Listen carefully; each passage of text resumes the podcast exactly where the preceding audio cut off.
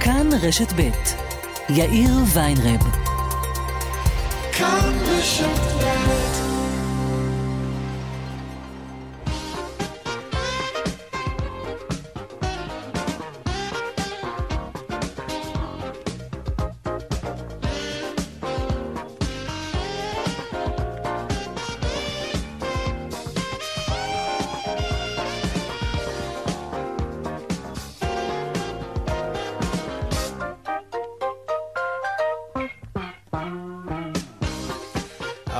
ארבע וכמעט שש דקות, כאן צבע הכסף ברשת ב', יום שני, שלום רב לכם. כאן צבע הכסף, העורך רונן פולק, בהפקה רונית גור אריה. טכנאית השידור שלנו היום מקרן בר, הדועל של צבע הכסף הוא כסף, כרוכית, כאן.org.il. אני יאיר ויינרב, מעכשיו עד חמש, אנחנו מיד מתחילים.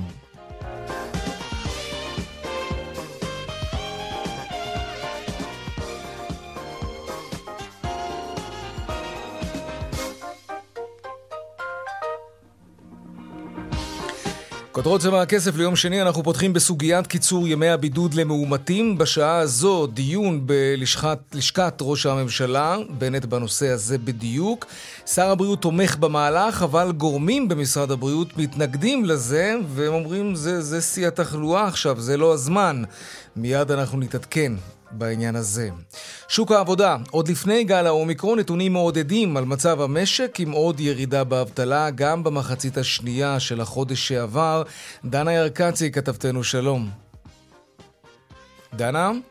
שלום יאיר, אתה שומע אותי? כן, כן, שומעים. כן, אוקיי. אז שיעור האבטלה ממשיך לרדת גם במחצית השנייה של חודש דצמבר. שיעור האבטלה עצר, הכולל מועסקים שנעדרו זמנית מעבודתם בגלל נגיף הקורונה והבלתי מועסקים, עמד בחודש דצמבר על 4.7 עשיריות האחוז. מדובר ב-200...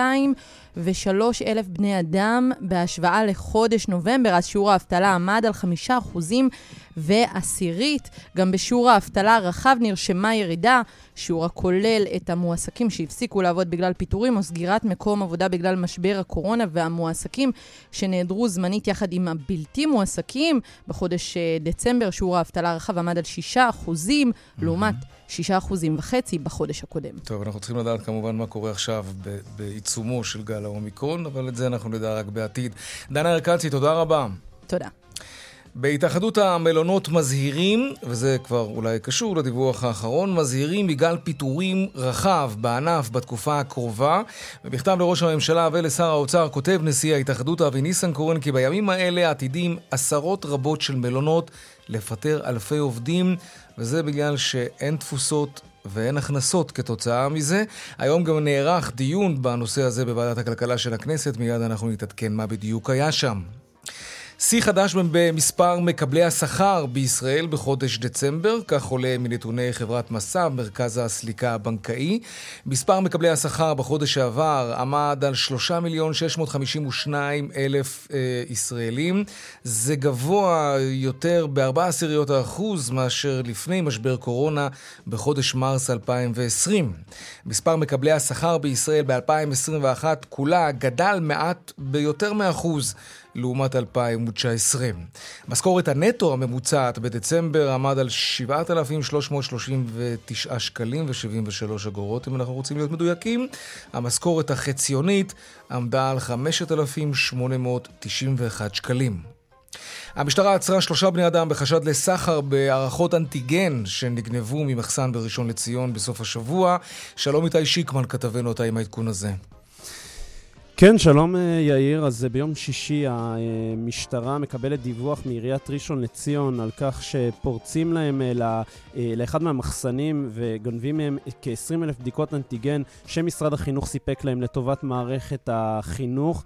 המשטרה, שוטרי תחנת ראשון פותחים בחקירה בסופו של דבר, הם מצליחים להגיע לתושבים מאזור השרון שנעצרו בחשד לאירוע הזה, מצליחים לה... לעצור אותם ולמצוא כ-1,600 ערכות אנטיגן שנחשדו כגנובות. מדובר, אב, מדובר בשניים, אב ובנו, בשנות ה-40 וה-20 לחייהם. כמובן, המשטרה תבקש להאריך את מעצרם, mm-hmm. והיא אומרת שצפויים גם מעצרים נוספים בהמשך. תודה רבה, איתי שיקמן. תודה. עובדי משרד החוץ מחריפים את הצעדים הארגוניים שלהם. מעכשיו הם מפסיקים את הטיפול באשרות סיעוד וחקלאות בנציגויות של ישראל בקטמנדו, הודו ומנילה. כמו כן הם מפסיקים את רישום הנולדים ובקשות לפונדקאות בנציגויות הישראליות בארצות הברית, בבוגוטה וגם בטיביליסי.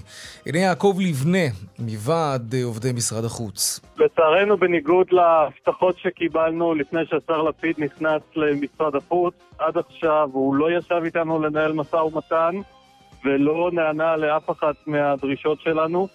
לכן, בהמשך להצהרת ההסתדרות על סכסוך העבודה במשרד החוץ, אנחנו נאלצים להכריז את הצעדים שאנחנו נוקטים בהם. כן, זה המאבק במשרד החוץ. נדמה לי אחד מהמאבקים הארגוניים הארוכים ביותר שקיימים בשוק התעסוקה בישראל, ממש.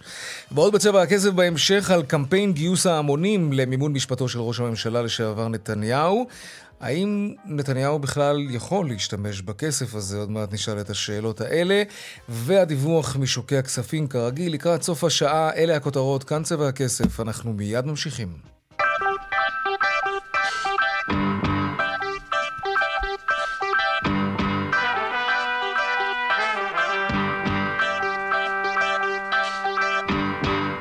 וכאן גם צבע הכסף. שר האוצר הורוביץ מקדם קיצור של ימי הבידוד למאומתים ב- לחמישה ימים. כן, הבידוד יהיה לחמישה ימים במקום שבוע.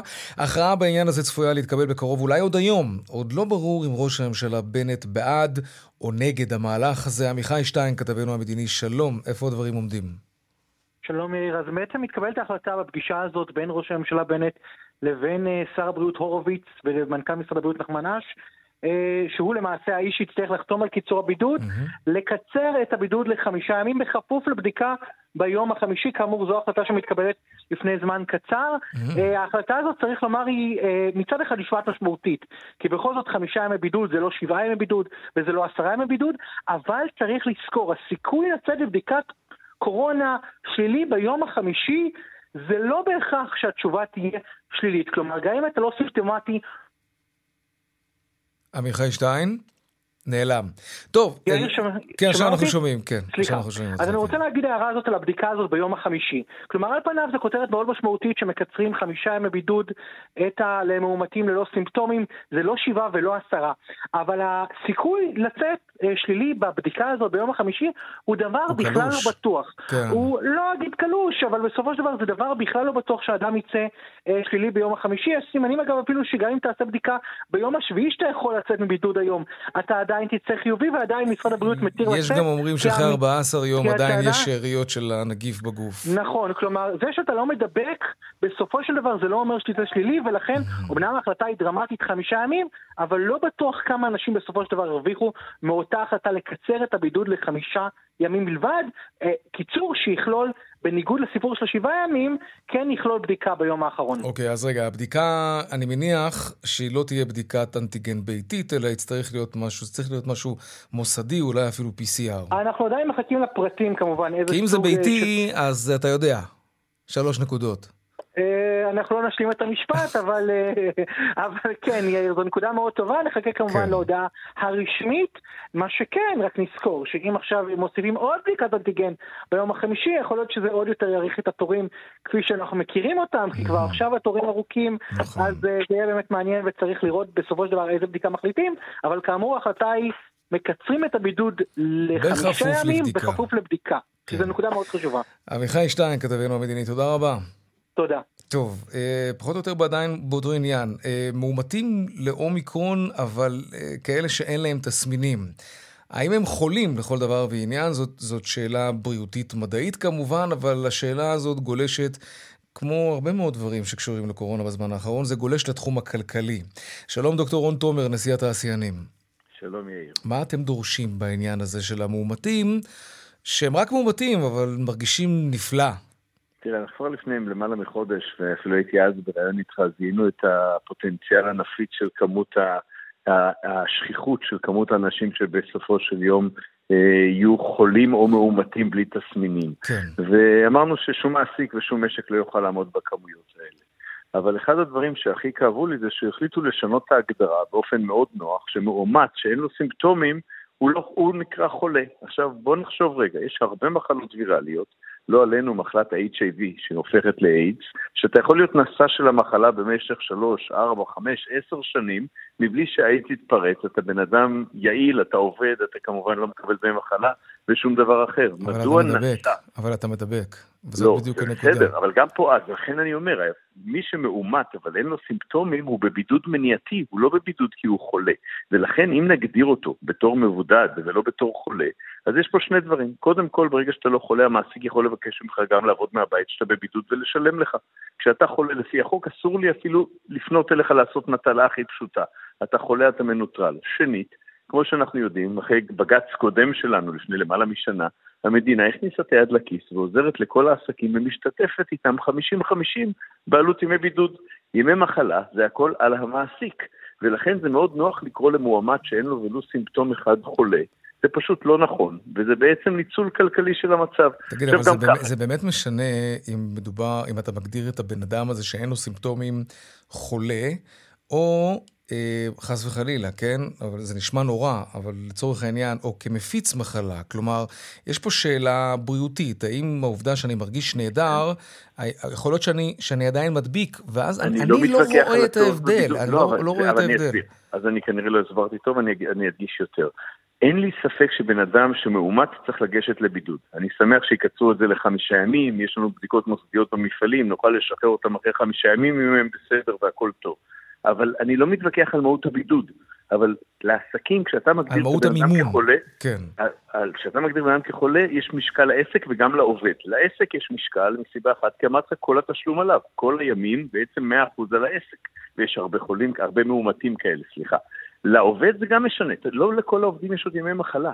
עובדים רבים, גם בשנתיים האלה שרפו לא מעט ימי מחלה, חלקם חדשים ולא צברו ימי מחלה, כן. והיום אם הם מוגדרים כחולים ואין להם ימי מחלה, אין כלום, בבידוד יש אפשרות לצבירה שלילית, אני לא אכנס לכל הדברים. זאת אומרת, הסיטואציה שהיא מאוד נוחה לקופת המדינה, להגדיר מאומתים בלי סימפטומים כחולים, מהמם. היא מובנת לי מהצד הכלכלי שלהם, אבל זה לא אוקיי. נכון, זה לא אמיתי, ולכן עתרנו לבג"ץ, ולכן אני מקווה שבג"ץ יתערב, יוריד את הנטל הזה מהעסקים, כי גם ככה מאוד מאוד הולך להיות קשה לכל העסקים בחודש על כמה הקרוב. כסף מדובר? תגיד, כמה כסף הוצאתם עד עכשיו בגלל המסה האדירה הזאת? של- אתה יודע, אני לשמחתי, כן, הממשלה באמת שמעה אותנו וירדה מעשר לשבעה ימים וחמישה ימים, לכן הימים מתקצרים אז גם הכסף יורד, אבל מדובר, כשזה דובר על עשרה ימי אה, בידוד, דיברנו על חמישה מיליארד, בחמישה ימי בידוד אנחנו מדברים על בערך שתיים וחצי מיליארד לחודש, נטל לעסקים. שום עסק, יאיר, לא יכול לעמוד בזה ש-30-40 אחוז מהעובדים שלו בחודש אחד חולים. ולכן היה היום דיון גם בוועדת העבודה והרווחה עם ועדת הכלכלה ביחד. אמרנו שהמילים די נחרצות שכל חברי הכנסת, מקואליציה לאופוזיציה, אימצו אותם. חייבים לעזור לעסקים. עכשיו, זה בסדר גם שהאוצר אומר, אני עוד לא יודע איך להתחשבן איתכם, אבל תעזרו לעסקים תזרימית, תדחו תשלומים של המדינה. תשלמו אוקיי. אתם בתור המדינה, למשל, שיש חובות לעסקים קטנים בינוניים, במקום. לשלם שוטף 90, תשלמו להם במיידי. תנו להם את האוויר, ובנושא ימי המחלה וימי הבידוד, מי שחולה חולה. מי שמאומת כן. זה בידוד הגנתי, תואילו בבקשה, תכניסו את היד לארנק ותשתתפו איתנו. טוב, אה, אני רוצה לעבור איתך קצת אה, לתמונה קצת טיפה יותר רחבה לסיום אה, על המשק, רק נחזור על הכותרת שהביא לנו כתבנו עמיחי שטיין לפני זמן קצר. ימי הבידוד קוצרו לחמישה ימים, אבל, ויש כאן אבל גדול, זה בכפוף לבדיקה. כלומר, ביום החמישי, אותו מבודד יצטרך לעשות, אותו מבודד מאומת יצטרך לעשות בדיקה, עוד לא ברור איזו, אם זו אנטיגן ביתית, מוסדית, כנראה אנטיגן, אבל. אנטיגן מוסדי. אנטיגן מוסדי לא ביתי. ואם היא תהיה שלילית, השתחררתם. תהיה חיובית, תתאזרו בסבלנות כמובן. תגיד, דוקטור רון תומר, מה, מה חוץ מזה? מה קורה בתעשייה? ראינו את נתוני האבטלה יורדים לפני הגל, גל הקורונה, אנחנו מדברים על נתונים של החודש שעבר. אתם מרגישים את זה? כי יש לנו תעשייה חזקה ובאמת החוסר בעובדים לאט לאט אנחנו מצליחים למלא אותה ולייצר יופי. פה הרבה, לייצר פה הרבה מנופי צמיחה אחרים והתעשייה צמחה. ועכשיו הגיע הגל הזה שקצת עושה לנו פריש מיש בכל העניין, אבל המטרה הכי חשובה שלנו בחודש, חודשיים הקרובים, היא לא לעצור את שרשראות האספקה. יש לנו לא מעט עובדים שנכנסים, לא משנה אם למחלה או לבידוד, או לא איך שלא נגדיר את זה, הם לא זמינים לקווי הייצור. וראינו כותרות, מה קורה בארצות הברית, באוסטרליה, בבריטניה. עד היום הצעדים המניעתיים שעשינו עובדים. עכשיו, אני עוד לא יודע מה גודל הצונאמי שבא אלינו, אם אנחנו בשיא, אם אנחנו לא, אבל מה שהכי מטריד אותי כרגע זה לצלוח את הגל הזה כדי שלאזרחי ישראל לא יהיה חסר כלום, ומעבר לזה להמשיך לייצר מנועי צמיחה ולהראות כמה חשובה למדינה, בטח כמו מדינת ישראל, תעשייה מקומית שיודעת להגיב, שיודעת למלא חוסרים, שיודעת לעשות את הנדרש, שלכל אחד מאיתנו בבית יש מספיק כאבי ראש בגלל הקורונה הזאת, לא יהיה לו גם כאבי ראש. טיפוליים כאלה. דוקטור רון תומר, נשיא התעשיינים, תודה רבה, ערב טוב. תודה, ערב טוב. להתראות. טוב, לעניין הבא שלנו, המלונאים מזהירים מפני גל פיטורים מסיבי כהגדרתם בענף, השמיים סגורים לתיירים מבחוץ, זאת הייתה כנראה רק שאלה של זמן, אין תיירים, אין הכנסות. שלום אה, דוד טוקר, יושב ראש התאחדות המלונות בירושלים ומנכ"ל מלונות אה, רמדה ורויאל בירושלים. שלום לך דוד. שלום, צהריים טובים לך ולמאזינים. שני המלונות שלך אה, בירושלים, רמדה ורויאל, סגורים כבר שנתיים, נכון? בתחילת אה, המגפה נכ- בעצם. נכון, למעט תקופות קצרות מאוד שיש לנו כינוסים כאלה ואחרים, אנחנו סגורים כי אין למי לפתוח. Mm, וואו. מה, אז בעצם שני בתי המלון שלך הם בעצם שני פילים לבנים. מה, עומדים ככה, שוממים, ריקים? אה, כן, לצערי, אה, אנחנו מתחזקים את הבתי מלון, ביטחון, החזקה וכולי, אבל אה, צר לי על העובדים. אה, כמה עובדים עבדו שם ונאלצת לפטר? אה, במרץ 2020 היו לי 460 עובדים. אה, כרגע יש לי 20, 30, משהו כזה. שמה, 400 שמתפעלים כינוסים וכולי? אה, כן, או שמתפעלים את השוטף, אתה יודע, מהמם. החזקה וכאלה, ביטחון. וכל המאות עובדים האלה, מה, הם מובטלים היום? אתם בקשר איתם? מצאו עבודה במקומות אחרים? מה...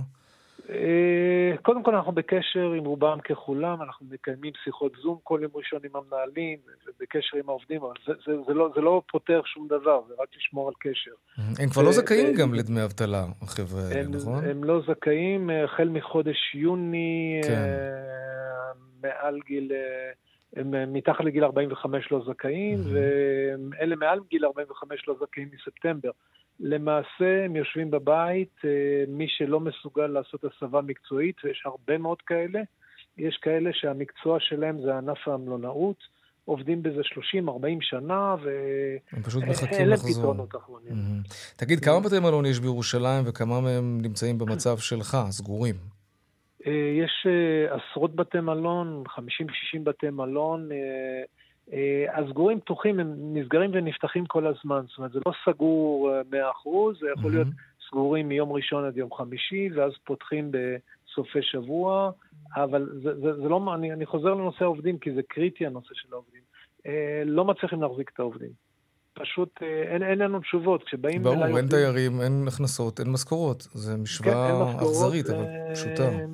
הם באים עם דמעות בעיניים, יש כל מיני הבטחות של הממשלה לקיים אה, אה, מענקים ודברים כאלה ואחרים, וזה לא קורה לצערי, לא. זה קרה לאט מדי.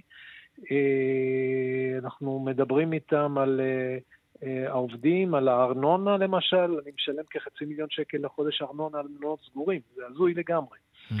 אה, זה באמת הזוי. תגיד, למה המלונות בארץ שנמצאים אה, בערים שתלויות בתיירות מבחוץ, כמו ירושלים כמובן, ל- למה לא הצלחתם, אה, אני יודע, זו שאלה של חכמולוג, אבל בכל זאת היא- מעניינת, לא הצלחתם לשווק את עצמם לתיירות פנים, כי ישראלים אוהבים לתייר ולהסתובב, ותראה איך הם טסים לחו"ל, ותראה איך הם הלכו לאילת. למה לא באו לירושלים? אני לא אומר כמו לאילת, כן, אבל אתה יודע, משהו שיכול קודם כל- להחזיק אתכם באוויר עם הראש מחוץ למים. קודם כל השאלה מאוד במקומה, ואני קורא לכל הישראלים, מי שיכול, כינוסים או כל דבר אחר, לבוא לירושלים. אנחנו מנסים, יחד עם זה, אה, מה לעשות, אילת יותר אטרקטיבית, ים המלח יותר אטרקטיבי, ומעדיפים, למרות שהמחירים שלנו מאוד מאוד נוחים. אז זה לא מספיק, זה לא, לצערי, זה לא מספיק יעד לתיירות. יש לנו מדי פעם מעט מדי. כן. תשמע, אני רוצה לצטט לך פה דברים שאומר אראל שליסל, רכז כלכלה ותיירות במשרד האוצר, אולי שמעת אותו היום בוועדה, הוא אומר, זה לא הגיוני ש... זה בתגובה לדרישה שלכם לסיוע, כן? זה לא הגיוני שאזרחי ישראל הולכים לחופשות ומשלמים מחירים גבוהים יותר, והמלונות ימשיכו לקבל סיוע. כך, ככה אה, האוצר אה. רואה את זה. אני חייב להגיד לך שבחוויה האישית של תיירים, של ישראלים שמתיירים בארץ, כן, יש משהו בטענה הזאת, למרות שזה לא כל כך קשור אליכם לירושלים, זה אולי נוגע יותר לטירוף המחירים שראינו באילת כמובן. אבל יש מין אווירה כזאת שהמלונות בארץ, ראינו גם את, ה, את התוצאות העסקיות של הרשתות הגדולות בארץ, עשו קופה יפה מאוד, ועכשיו פתאום אומרים גוואלד. לא, זה לא תמיד עובד ככה. לא, לא, לא, לא, לא, בוא, בוא, בוא באמת, באמת נבדל פעם אחת לתמיד בין אילת ים המלח לבין ירושלים ונצרת. זה שני מקומות שונים לגמרי, המחירים שלנו מאוד מאוד סבירים והרבה מתחת לסבירים. Uh, המחירים שלנו צנחו בצורה uh, uh, מקסימלית, רק כדי שיבואו וימלאו קצת את החדרים. Mm-hmm. מה שאתה אומר הוא נכון מאוד בזמנו, בקיץ, באילת, זה, זה תפס, אבל, אבל אצלנו בירושלים זה בכלל לא נכון. אה, אנחנו מברכים על כל תייר שבא, אנחנו אה, מורידים מחירים ככל שאנחנו יכולים להוריד את המחירים, אנחנו מחפשים את הכינוסים. אה, אין מספיק, הלוואי והיו עושים כינוסים. בירושלים במקום באילת. אבל אתה יודע, שם גם לא משלמים מע"מ, אז בכלל הייתה תחרות. זה הרבה יותר מפתה, כן. עוד משהו שאומר בוועדה אריאל שליסל, יש מלונות שכן צריכים סיוע, וזה יפה שמכירים בזה. אנחנו עובדים בצורה של קריטריונים אה, ברמת העיקרון, הוא אומר, יש נוהל תמיכה, ומלון יכול לקבל את הסיוע הזה. נו, אז אני, נו, אני מניח שכבר פנית. הלוואי. הלוואי. מה הלוואי. זה הלוואי? זה, זה... זה לא קורה, זה לא קורה. למה? יש קודם כל, כי יש מתווים, ויש אה, מתווה לדמי קיום, ויש מתווה למענקים, וזה לא קורה, כי יש זמן, וסחבת, וכל מיני דברים כאלה. יש את הארנונה שדיברתי עליו קודם, שאף אחד לא מדבר עליהם. יש מגבלות בנושא תיירות הנכנסת, אנחנו מוטי תיירות נכנסת. כן. אנחנו מבחינתנו, אה, אה, רוב התיירות שלנו מגיעה מארצות הברית. עכשיו, הרבה מהאמריקאים שהיו מגיעים אלינו הם כבר אה, מחלימים, אבל אין להם תעודה דיגיטלית, אין להם תעודה דיגיטלית של החלמה, אז הם לא יכולים להיכנס לארץ. אז זה לא עוזר לנו. יש כל כך הרבה חסמים, יש נושא של מתווה מענקים מהרבעון הראשון של 2022, אף אחד לא מדבר על... בקיצור, ביורוקרטיה, משהו כן, משהו. היחידי בכל הסיפור הזה שמטפל בזה זה, זה שר התיירות. הוא היחידי שמו, ש, שמכוון מטרה, כן. אבל למעט שר התיירות, אנחנו לא, לא רואים תמיכות של השרים האחרים. הבעיה באמת, במה שהתחלת okay. להגיד, אוקיי. זה, זה פיטורים של אלפי עובדים. אנחנו מקווים שלא נגיע לזה כמובן. אה, כן, אבל כשהמלון שלי סגור, שאין תיירים, ש... כן, כאילו... אתה דוגמה חיה ובועטת לזה שממה שאנחנו חוששים שיקרה עכשיו כבר קרה בעצם לפני שנתיים, ו... וזה, ו, ולא הצלחתם להחזיר עטרה ליושנה בהיבט הזה, כמובן. העובדים שלך, מאות העובדים שלך עדיין יושבים בבית. נכון, לצערי אתה צודק, וזה מה יש. דוד. דוד טרוקר, יושב ראש התאחדות המלונות בירושלים ומנכ"ל מלונות רמדה ורויאל בירושלים, שני מלונות שכבר סגורים שנתיים מאז פרוץ המגפה. אה, שנעבור את זה מהר. מה נגיד? בהצלחה, אינשאללה. תודה רבה. להתראות. להתראות. ביי. דיווחי תנועה עכשיו. טוב, אז ככה, בדרך 6 צפונה יש עומס תנועה ממחלף עירון עד עין תות, בדרך החוף צפונה עמוס ממחלף חבצלת עד מחלף אולגה דרום. עדכוני תנועה נוספים בכאן, מוקד התנועה כוכבי 9550 ובאתר שלנו, אתר התאגיד אתר כאן. הפסקת פרסומות קצרה ומיד אנחנו חוזרים עם עוד צבע הכסף. נדבר, כן, נדבר על הכיסוי הביטוחי לפנסיה שלנו. אה, נאמר שלא עבדנו חלק מהתקופה, עכשיו אנחנו עובדים, הכל בסדר, אבל נגיד 4-5 חודשים לא עבדנו. האם... האם חשבנו על הפנסיה שלנו כשישבנו בבית? וגם אם אנחנו כמובן ביתר שאת לא עובדים היום, וגם פרק זמן די רחב, האם אנחנו חושבים על הפנסיה שלנו תוך כדי זה שאנחנו מחפשים עבודה? מאוד חשוב. מיד חוזרים. ארבע ועוד 32 דקות, אנחנו חוזרים עכשיו להחלטה של הממשלה אה, לאשר את קיצור הבידוד לחמישה ימים. אנחנו חוזרים אליך, עמיחי שטיין, כתבנו. בוא נעשה סדר. עמיחי שטיין? כן, טוב. אה, נספר לכם בינתיים שמה-19 אה, לחודש, כן, שזה בעוד יומיים, יקוצר הבידוד לחמישה ימים. מאומתים יידרשו לבידוד של חמישה ימים מלאים אם ישתחררו רק אחרי תוצאה שלילית בבדיקה ביתית ביום הרביעי בערב, וביום החמישי בערב בדיקה נוספת, גם ביתית, ובתנאי שאין תסמינים. עמיחי שטיין, אתה איתנו? כן. בוא נעשה סדר בדברים. נתחיל מההתחלה. כן. להוציא מה שנקרא דף ועט ולרשום. אז הסיכום אה, שהחל מיום רביעי הקרוב, מה שאנחנו הולכים לראות שהבידוד הולך להתקצר לחמישה ימים, אבל עם כוכבית מאוד מאוד גדולה. נתחיל עם המחוסנים.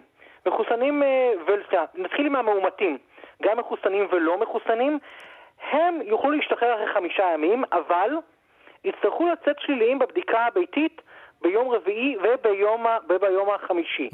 ונגיד שהסיכוי לצאת שלילי בבדיקה ביום החמישי זה לא סיכוי גבוה, ולכן שוב, בסוף בסוף בסוף זו בדיקה ביתית, אה, ולכן נדרשת פה האחריות של האזרחים, אבל ההנחיה היא כאמור שניתן לצאת מבידוד אחרי חמישה ימים, אם הבדיקה אה, של אותו מאומת כמובן שהוא בלי תסמינים, והבדיקה יוצאת שלילית ביום החמישי וביום הרביעי. טוב, ממש סומכים על הציבור כאן, זה יפה. ממש סומכים כן. על הציבור, צריך לומר, באמת זו העברה מאוד כן. משמעותית של האחריות כללית. אין צורך באישור רופא לטובת שחרור מבידוד.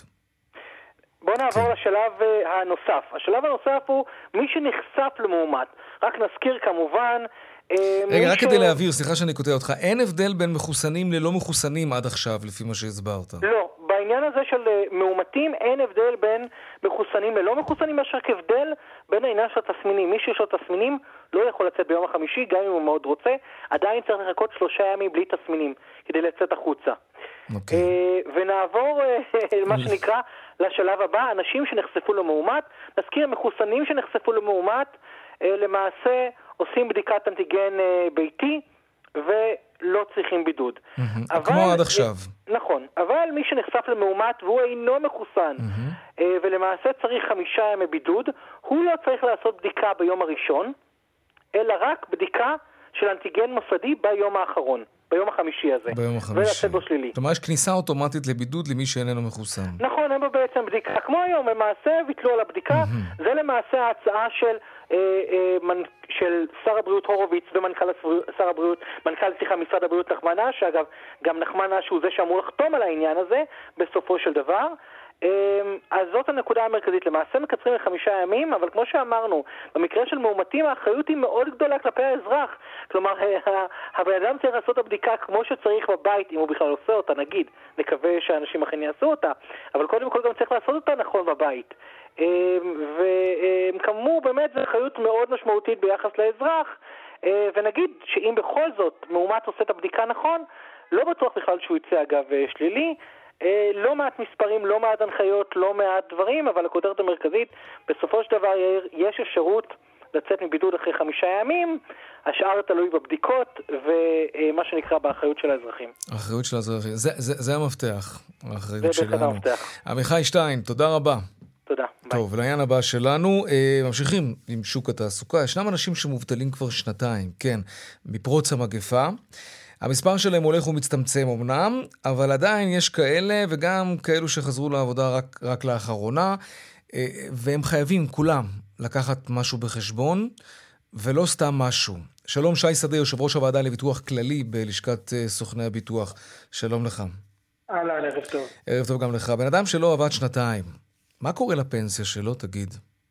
תראה, אז באמת אה, אנחנו, אתה עוסק פה בתוכנית אה, מתחילתה בנושא באמת הגל החמישי וההשפעה אה, על שוק התעסוקה. וצריך לקחת בחשבון באמת שאנחנו אוטוטו נכנסים כבר לשנה השלישית, אנחנו מסיימים תכף בוגרי שנתיים של קורונה. כן. באמת יש אותם אה, לא מעט, עשרות אלפי אנשים אגב, אנחנו מעריכים, שעדיין לא חזרו למעגל העבודה, והם חייבים להמשיך לדאוג לכיסוי הביטוחי שלהם, מה שקראו אצלנו בשפה המקצועית הריסק הזמני, mm-hmm. בין המעסיקים. התופעה הזאת אה, של אנשים שעוברים בין עבודות זו תופעה שמוכרת לנו עוד אה, הרבה לפני הקורונה. בן אדם עושה מקום עבודה אחד, עובר mm-hmm. למקום עבודה אחר, ובדרך כלל זה היה דבר שמקובל, שנע בין חמישה חודשים לעד שנה, שכיסוי כזה יכול אה, לתת לו מענה. אבל באמת אנחנו עכשיו באיזושהי מגפה עולמית, אנחנו רואים שהתכופות הולכות ומתארכות, אנחנו כבר uh, עוד מעט שנתיים בתוך הדבר הזה, אנחנו חלק, מקודם נתת, העלית לראיון את uh, החבר'ה מהמלונאות, שכנראה הולכים לצאת שוב פעם לחל"ת, uh, וזה תקופות מאוד מאוד ארוכות, שבתוך הזמן הזה, אם לא ידאגו לעצמם ל... לכיסוי כמו שצריך, הם יכולים לאבד את כל הכיסוי הפנסיוני, הביטוחי שהיה להם. מתי אתה בעצם מתחיל לאבד את זה? נגיד בן אדם פוטר, אוקיי? הוא מקבל עכשיו דמי אבטלה, נגיד, למשך חצי שנה. בחצי שנה הזו, מי מתפעל את ההפרשות שלו לפנסיה? הרי אין לו מעסיק שיפריש את החלק שלו. לא, האם נכון. המובטל אה, אמור לעשות את זה באופן עצמאי כדי להשאיר את הדבר הזה בחיים? אז קודם כל התשובה היא כן, הוא צריך לעשות את זה באופן עצמאי. אבל, אבל לא כולם כאן... עושים את זה, נכון? אין... נכון, נכון, אבל גם כאן צריך רגע לבדוק איזה מוצר יש לו. כי יש היום מוצרים, לדוגמה קרנות פנסיה, שזה באמת מוצר אה, מאוד אה, רווח אצל רוב כן. האנשים. אתה יכול באמת לבקש מקרן הפנסיה שלך שתיקח מתוך הצבירה, מתוך החיסכון שכבר קיים לך בקרן, mm-hmm. איזשהו מתח מאוד מאוד קטן, כמה עשרות או מאות שקלים בחודש, תלוי מה הגיל שלך וכן הלאה, ובעצם תשמור לך על הכיסוי הביטוחי כל עוד אתה בבית מוצר. אוקיי, okay, כשאתה אומר כיסוי ביטוחי, רק נעשה את ההבחנה. אתה לא מדבר רק על, ה, על הקצבה החודשית שאני אקבל ביום סגריר כשאני אפרוש לפנסיה, אתה מדבר על, על הביטוחים שקרן הפנסיה נכון, מעניקה לנו, כן? על נכון, אובדן נכון, כושר נכון, עבודה וכולי. בדיוק, אובדן כושר עבודה, וחלילה מקרה מוות שלא נדע, גם בתוך התקופה הזאת של, אה, לצערנו, אנחנו שומעים על אנשים ש...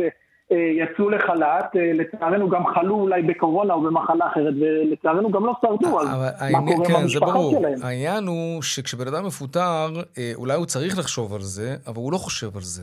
כי הוא קצת בשוק. הוא גם לא יודע נכון. מה קורה סביבו. האם קרן הפנסיה, כשהיא רואה פתאום, והיום הכל הרי דיגיטלי, אבל נאמר קרן פנסיה פתאום רואה שישראל ישראלי, המעסיק שלו לא הפריש לו פתאום החודש כסף לפנסיה, ולא רק זה, גם העמית עצמו לא הפריש מהמשכורת שלו לקרן הפנסיה. האם נדלקת שם איזו נורה אדומה? האם יוצרים קשר עם המבוטח ואומרים לו, חביבי, מה קורה? ואם הם מקבלים עדכון שהוא מפוטר, האם הם עושים את זה בעצמם ומשאירים את הקרן תחת הפרשה? חודשית, כדי שמה שאתה מתאר לא יקרה, ובן אדם יהיה חשוף ולא מבוטח. יפה. אז השאלה שלך היא מצוינת, אני, אני תכף אסביר. התשובה היא, התשובה היא, היא מתחלקת לשתיים. קודם כל, כן, קרנות הפנסיה וחברות הביטוח כן מעדכנות את העמית שלהם או את המבוטח שלהם. ישראל ישראלי, שמנו לב שבחמישה חודשים האחרונים המעסיק שלך לא העביר לך אה, את התנאים הסוציאליים. ספר לנו מה קורה. פוטרתי. ספר לנו מה קורה. זה באמת משהו שהן עושות. אבל בוא, גם אתה אה, תודה על האמת, כמה מאיתנו מקבלים בחודש את, המכ... את אותו מכתב מפורסם מחברת הביטוח, וכמו שהוא סגור, מניחים אותו חזרה במגירה. אף אחד אפילו לא פותח לראות מה כתוב שם. אנחנו נכון. יודעים את זה הרי. כן. זה לא, אנחנו לא... אה, רוב רובם של המאזינים שלנו לא עכשיו יקראו את כל המכתבים שהם מקבלים מחברות הביטוח. ואז נוצר מצב, אחרי תקופה מסוימת, שחברת הביטוח מודיעה לך שלא קיבלה את אותם uh, תנאים סוציאליים שלך, ואתה יכול למצוא את עצמך במצב שאתה לא איבדת את כל הוותק, בדיוק. וואו. אז... פה אנחנו, אנחנו כלשכת סוכני הביטוח קוראים, ומקודם דיברת על הישיבה שהייתה היום של ועדת הכלכלה והרווחה, כן. דרך אגב היינו שם, לא הספקנו לדבר כי היה שם המון דוברים, אבל כן, זו דרישה שלנו, של לשכת סוכני הביטוח, לממונה על כן. שוק ההון, כי בתקופת הסגרים הראשונים יצאה הוראת שעה, שאת הנושא הזה של הריסק הזמני, אה, נתנו אותו לתקופה של שנתיים. ואנחנו מבקשים, חבר'ה, צריך להאריך את זה, זה כבר צריך להאריך את זה גם לשלוש מה שנים. מה זה בעצם אמר? שגם אם אנשים לא הפרישו בעצמם כסף לקרן הפנסיה, הם עדיין נשארו מבוטחים לכל נכון. תקופת הפיתור, האבטלה שלהם. נכון, אפשר לשמור להם על, הזכו, על הזכויות שלהם למשך שנתיים. אוקיי. אנחנו מבקשים אגב להאריך את זה לשלוש שנים, כי אנחנו כבר אוטוטו בתוך השנתיים. אנחנו כבר עוד רגע בשנה השלישית. עכשיו נכון. תגיד, אבל מעבר לזה, אוקיי, אז זה, זה ברור, ו- וצריך באמת לעקוב אחרי זה ולטפל בזה כדי שיאריכו את, את הוראת השעה הזו, כדי שאנשים יהיו מכוסים ולא יאבדו את הזכויות שלהם. מה זה עושה נכון. אם אתה לא עובד שנתיים אה, מבחינה אקטוארית? לפנסיה שלך כשתפרוש, כשתצא לגמלאות. אה, אה, עד כמה החור הזה הוא משמעותי? תראה, זה, עוד פעם, זה נורא תלוי ב, באיזה תקופה זה פוגש אותך, אבל עדיין בתוך, אם אתה חסכת ב, במשך תקופה מאוד מאוד ארוכה, 20 או 30 שנה, אז בוא נגיד שחור של שנתיים לא הולך לטלטל לך את הפנסיה מקצה לקצה, okay. אוקיי. אבל זה, זה, יש לזה עוד המון משתנים, כי נורא תלוי מה קרה באותם שנתיים, האם שוק ההון עלה, אז הרווחת, ויכול להיות שאולי הפער הוא לא כזה גדול, יכול להיות ששוק ההון צנח ופתאום הפער הזה רק הלך והתרחב. נכון. אז יש המון המון אה, פרמטרים שצריך לבדוק אה, על אותה תקופה. אבל אה, בוא נגיד שאפשר לתקן, אפשר לצמצם את הפער הזה של השנתיים או של- שלוש השנים ב- לאורך הדרך, לאורך אוקיי. הדרך של... אז אם אנחנו. מסכמים, ההמלצה החד משמעית בעצם, אם נאלצתם להפסיק לעבוד, אם התפטרתם, פוטרתם, טלפון לקרן הפנסיה, לחברת הביטוח, איפה שאתם מבוטחים, ולבקש שיקחו מכספי הפנסיה סכום נכון. מסוים כדי להמשיך ולהפריש ו- ולשמור על נכון. הכיסוי הביטוחי ו- שלכם. דברו עם סוכן הביטוח שלכם, שידאג לכם להתאים את, ה, את המצב התעסוקתי שלכם כרגע לתנאים הסוציאליים שיש לכם. לוודא שאתם מבוטחים. כן. לגמרי, לגמרי. שי שדה, יושב ראש הוועדה לביטוח אה, כללי בלשכת סוכני הביטוח, תודה רבה לך. תודה לך, טוב. להתראות. טוב, לעניין הבא שלנו או פרסומות? מה אנחנו עושים? Hmm? אוקיי. טוב, אז גיוס ההמונים לראש הממשלה נתניהו עכשיו. כמעט, אה, פעם אחרונה שהסתכלתי לפני שעה, כמעט היו שם שלושה מיליון שקלים כבר גויסו לטובתו כדי לסייע לו לממן את המשפט. האם נתניהו יוכל להשתמש בכסף הזה בכלל? האם כל מי שתורם יכול לדעת בוודאות שהכסף יגיע לנתניהו ושהוא יעשה בו שימוש אך ורק באמת למטרה הזו? שלום אדיר שוורץ, אסטרטג ראשי ב-J-Give, שלום. שלום. בוא ניכנס רגע, נראה באמת מה המצב שם. בינתיים תגיד, איך אתה מתרשם מהסכום שגויס עד עכשיו בפרק זמן כזה? מהיר, איטי, רגיל? תראה, צריך להגיד פה כמה דברים, קודם כל כ- כאיש מקצוע בתחום. כן. הקמפיין של נתניהו, אה, או שעשו למענו, הוא מעורר השתאות. אה, אני חושב כן. שכל הפוליטיקאים במדינת ישראל יושבים כרגע אה, מול המסך ואומרים בואנה, הלוואי. עליי. כן. הנה, אני מסתכל על זה עכשיו. 2 מיליון 755 אלף ו-757 שקלים. זה כל שנייה עולה. יעד הקמפיין הוא 5 מיליון שקלים. 55 אחוזים כבר. כמה זמן זה באוויר? הדבר הזה באוויר. מאתמול, אנחנו מדברים על סדר גודל של אה, 20 אלף תורמים בטווח זמן מאוד מאוד קצר, ויש פה אה, אירוע אה, מיוחד שלא, עוד לא קרה כמותו במדינת ישראל. אני חושב ש... אה, אה, בתמיכה ציבורית נתניהו תמיד היה חזק, ואני חושב שיש הרבה מה לחדש פה, אבל יש פה פעולה, אפשר לדבר על למה אנשים תורמים, כן? בסוף יש פה פעולה... אה, לא, זה די ברור. אנשים שהם אה, מאוהדיו ותומכיו ומצביעיו, חושבים שנעשה לו עוול והם תורמים לו כסף. אבל איך, איך, איך בן אדם כזה יכול לדעת באמת שהכסף ילך למטרה הזו? יש איזשהו פיקוח אה, אה, של עורך דין על הדבר הזה, נוטריון, משהו? פה, פה, פה זה כבר נהיה מורכב. תראה, אני כאיש מקצוע בתחום, הסימני שאלה אה, אה, צפו מיד שראיתי את הקמפיין, כי יש פה... אה, יש פה מורכבות חוקית. תראה, עכשיו עורך דין אני לא, ואני אסייג את, את הדברים אה, לכל המאזינים שלנו, כן. אבל בסוף אה, אה, ברור שהם מחשיפים את עצמם לכללי אה, מימון של פוליטיקאים, הם כותבים בעצמם לצורך העניין שאף משק בית לא יוכל לתרום יותר מ-5,000 שקלים בקמפיין וכולי. ומצד שני הם פועלים באמצעות עמותה שיש לה סעיף 46, אה, אה, סעיף שבעצם מכיר בתרומות לצורכי מס. זה מורכב חוקית מאוד עד כדי בלתי סביר, מכל מה שאני יודע ומכיר. אה, שהתרומות בפועל יוכלו לעבור לעורכי הדין של נתניהו או למשפחת נתניהו או באופן כן? כזה או אחר. למה בעצם? קודם כל כי, כי עמותה עם סעיף 46 שמקבלת תרומות מוכרות לצורכי מס לא יכולה לעשות עם הכסף הזה הכל. יכולה לממש את פעילויות, ה, את מטרות העמותה שלה. עכשיו אני בדקתי. האם מטרות העמותה היא... ואחת ממטרות העמותה שם זה סיוע לנפגעים או משהו כזה, להגדיר את נתניהו, יש פה משהו שהוא קצת אני חושב שהם. מגדירים את זה כאן. רגע, בואו נפתח פה את האתר. על הקמפיין, כן. אנחנו יוצאים היום לגיוס המונים הגדול של מחנה הימין מתוך תחושה והבנה שמשפט נתניהו הוא תוצאה של רדיפה וניסיון להשיג בכל דרך ובכל מחיר הרשעה וכולי וכולי. כלומר, הם מגדירים את זה, כן. מגדירים את זה, זה צד אחד. עכשיו, אי אפשר לגייס תרומות מוכרות לצורכי מס במדינת ישראל למטרות פוליטיות. יש מטרות שבהן זה אחרת, כי המדינה, למשל בגרמניה, מדינה אומרת, אנחנו רוצים לעודד פוליטיקה, אנחנו מוכנים שתרומות לפוליטיקה יהיו מוכרות לצורכי מס. בסדר גמור. במדינת ישראל זה לא המצב. אז רגע, אז יכול להיות שהוא כן יוכל לקבל את הכסף, אבל 50% מזה ילך למדינה. כלומר, גם קופת המדינה תרוויח מהגיוס הזה. לא, אין מצב כזה. לא? הזיכוי למס לא עובד ככה. אני, אני חושב שמאוד מאוד יכול להיות שאותם תורמים שרצו לתמוך בנתניהו, והם באמת רצו לתמוך בנתניהו, וזה כן. בסדר, יגלו בסופו של יום שההתארגנות הספונטנית הזאת לא אה, תאפשר באמת לנתניהו אה, ליהנות מפירות הכסף. ה... אז מה קורה? לאן הכסף, הכסף חוזר אליהם אחר כך? איך זה, מה, יש פרוטוקול למקרים כאלה? אני, לזכות תרומות זה לא אירוע מורכב, זה, זה דברים ש... במיוחד שהכל דיגיטלי כמובן. קרו וקורים. אולי זו סתם הפגנת שאלה... כוח, אני מניח שמי שעומד מאחורי הקמפיין הזה אה, מבין ויודע את הדברים שאתה אומר, אז, אז יכול להיות שזה בעצם אולי מין גיוס ראווה כזה, ולא באמת נועד אה, להזרים כסף. גייס פה, אהבה הוא בהחלט גייס פה. ראווה, ראווה התכוונתי. כן. חוקיות הגיוס, אתה יודע, יש פה גם עוד דברים שלא נכנסנו אליהם. אה, חוק המתנות וועדת אתיקה. אמ, זאת שאלה מאוד מאוד טובה, ואני חושב שבאופן כללי, תורמים שתורמים ברשת צריכים לדעת תמיד אה, ולהיזהר ולבדוק אה, איפה הם תורמים, למי הם תורמים. אה, אנחנו מכירים בעיות כאלה, אתה יודע, יותר הרבה פעמים מכל מיני קמפיינים של חולים, שבסוף מתפרסמים תחקירים שהחולים הם לא חולים וכולי, ומצד שני יש קמפיינים שהם באמת... אנשים שעושים דברים כאלה, ויש, יש מקרים כאלה, זה פשוט...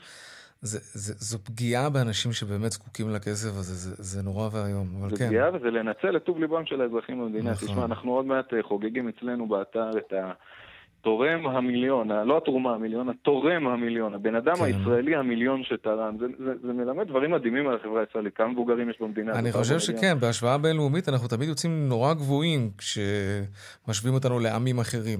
ויש פה באמת כל כן. כך הרבה רצון טוב לשותפות. כל קמפיין מימון המונים, גם הקמפיין הזה, גם כן. קמפיינים אחרים, הוא הזמנה גדולה לשותפות. יש פה כל כך הרבה רצון טוב וכל כך הרבה זה, וצריך לעשות את הדברים בזהירות, כי ברור. אה, אסור שאנשים יאבדו אמון בעולמות של הנתינה, ובאמת הדרך להימנע מזה זה לדעת אה, איפה לתרום, לדעת לעשות את הבדיקות, לבדוק את העמותה שמקבלת. אה, לבדוק את הפלטפורמה שעליה הדברים קורים. יש, mm-hmm. יש היום הרבה כלים לשקיפות שנמצאים באינטרנט. קרה לכם, ו... אגב, שהיה קמפיין באמצעותכם ונאלצתם בסופו של דבר לחזלש אותו ולהחזיר כסף לאנשים? אז אצלנו אכן אין דברים כאלה. אנחנו עוף מוזר יחסית בשוק הזה של אה, המימון המונים, בגלל שאנחנו עמותה בעצמנו. אמ, ואנחנו אה, כובלים את עצמנו אך ורק לעמותות שיש להן סעיף 46 ושיש להן אה, אישור ניהול תקין. וכל מטרה אצלנו אה, ככה נבדקת בפינצטה. כדי לוודא שאין כל מיני פוילישטיק שאנחנו לא מעוניינים בו. אמ, תגיד, כשאנשים תורמים, ואתה יודע, כאלה סכומים יפים, אמ, אני חושב שדיברתי איתך פעם אולי, או מישהו אחר אצלכם בג'יי גיב. אנשים לא כל כך מודעים לזה שכשהם תומרי, תומכים, תורמים ותומכים כמובן מישהו, אה, הם זכאים לזיכוי אה, מס בסוף השנה, נכון? כן, בעצם גם אה, עצמאים איזה סכום אתה צריך לצבור? במדינת ישראל כן. יכולים לקבל זיכוי של עד 35 אחוז. מגובה התרומה. התרומה שלהם, בדיוק. זה בעצם עובד קצת כמו נקודות זיכוי ממס. כמה, כמה אתה צריך לתרום בשנה כדי להגיע לזיכוי? אני לא זוכר את המספר המדויק, זה סדר גודל של מעל 200, מעל 200, 300 שקל בערך, כבר... טוב, הרבה אנשים עוברים את הסכום הזה כמובן. המון אנשים עוברים את הסכום. היום, אה, כן. עצמאים מכירים את זה היטב, כי מגישים דוח שנתי וכולי, אבל גם שכירים יכולים לקבל, ואפילו בלחיצת כפתור דרכנו באתר יכולים לקבל את זה ישירות לתלוש. כמו כל נקודת זיכוי במס אחרת, אה, על מקום מגורים, או על תואר, כן. או על... אז לתשומת לבכם, תורמים יקרים. עם יקר. אדיר שוורץ, אסטרטג ראשי גיב, תודה רבה, ערב טוב. ערב טוב, בשורות טובות. להתראות. אה, דיווחי תנועה. אות.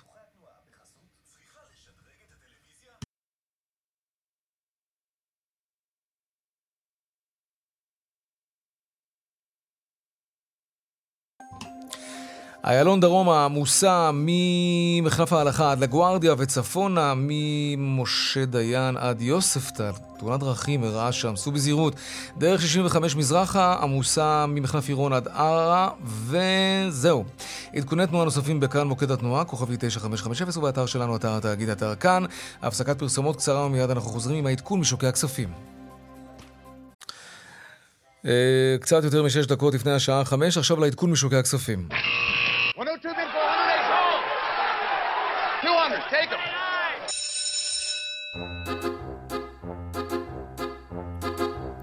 שלום רואה החשבון אמיר אייל, יושב ראש אינפיניטי. שלום, שלום יאיר. עוד מעט נרוץ על השווקים. בוא נדבר קצת על האינפלציה, המדד שהתפרסם ביום שישי. עד כמה זה משפיע על מה שקורה בשווקים? עד כמה זה מדאיג?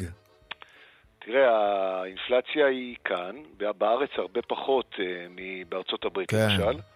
אה, בוא נגיד שרוב האלה שמנסים לחזות את המדדים לא צפו את זה, אבל מסתכלים קדימה, וגם בנק ישראל בעצמו אומר שיכול להיות כמה חודשים של עליות אה, מחירים, אבל הם לא רואים שנה קדימה את האינפלציה חוצה את היעד שלהם, שהיא בין 2 ל-3 אחוז, הפעם זה יהיה כן. קרוב ל-3 אחוז. לא דרמה בארץ לפחות, על פי בנק ישראל. כן, אבל צריך להישאר, אני נראה לי שזה מה שעושים. אגב, קראתי כמה תחזיות שאומרים, אוקיי, אבל זה חודש הבא, אולי עוד חודשיים זה כבר יתחיל להתמתן.